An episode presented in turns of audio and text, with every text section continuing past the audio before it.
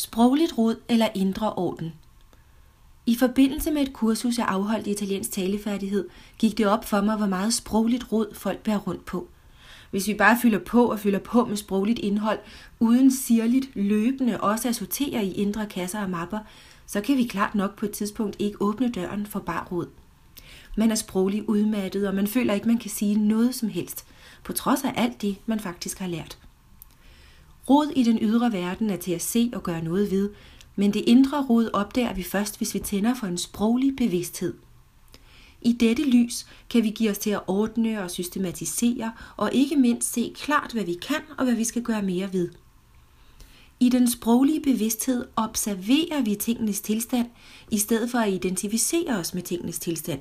Der, hvor vi kan finde på at sige, jeg kan heller ikke noget, og jeg har aldrig været god til sprog osv.